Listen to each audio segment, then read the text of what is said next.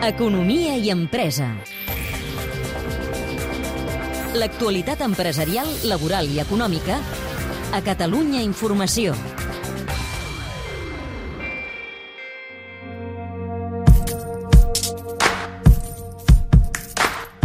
La desmotivació a la feina, l'estrès o fins i tot el passotisme són cada cop una realitat que afecta més treballadors. De fet, són símptomes del que es coneix com la síndrome del treballador cremat o burnout, una síndrome que s'ha disparat amb la crisi econòmica. És un síndrome resultant d'un eh, estrès crònic a la feina.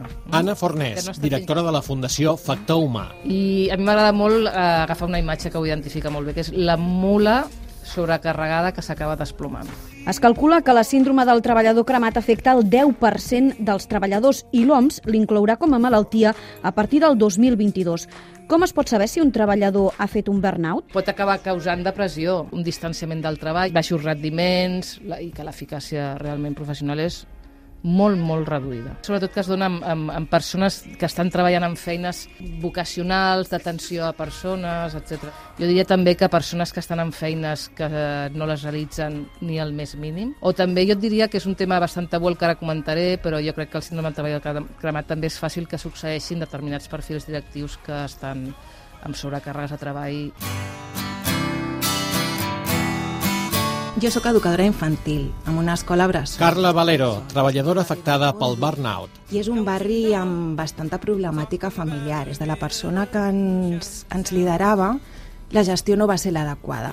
Aleshores, això va, va fer que a l'hora d'anar a treballar doncs no anessis a gust i ens vam tancar tot l'equip. Va ser una situació molt difícil, a més ens va costar explicar-ho, perquè clar, et ve des del teu cap.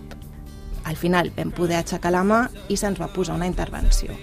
La intervenció en aquest cas va consistir a introduir un mediador que els va ajudar a desenquistar el problema. Treballant el coneixement de l'equip, aquella situació que, que heu viscut amb l'equip Mònica Vázquez, directora de Recursos Humans de Suara, l'empresa on treballa la Carla. Revisar una mica, no?, per veure una mica també eh, quines, no, quins mecanismes com a persones i com a equip podem posar per, per evitar això, eh, que ens acabem cremant amb la situació, que no sapiguem resoldre-la.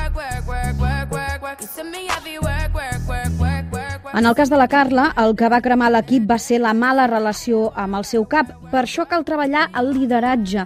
Un responsable no només mana, també ha de saber gestionar emocions. Una de les coses que fem molt és treballar en formacions de lideratge per propiciar no, que, que al final el, els caps i els responsables dels equips coneguin els seus equips i els hi, els hi fagin un bon acompanyament i puguin detectar aquestes situacions a l'inici. I tinguis la prou de confiança com per expressar i verbalitzar allò que t'està passant en el teu lloc de feina. Ja sigui a tu personalment, perquè tots tenem una vida privada, el que t'està passant a la feina o bé en el teu equip. Per evitar més casos de treballadors cremats, acabem amb un consell adreçat tant a empreses com a treballadors. Que això és un tema de corresponsabilitat i no es tracta només que les persones treballadores esperin que la mamà empresa els hi dongui tot i sigui tot fantàstic, sinó que aquí som tots que hem d'anar a una.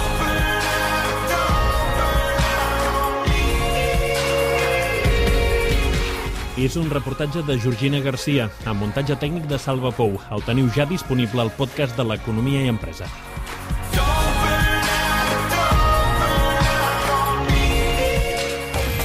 Economia i empresa. A Catalunya Informació.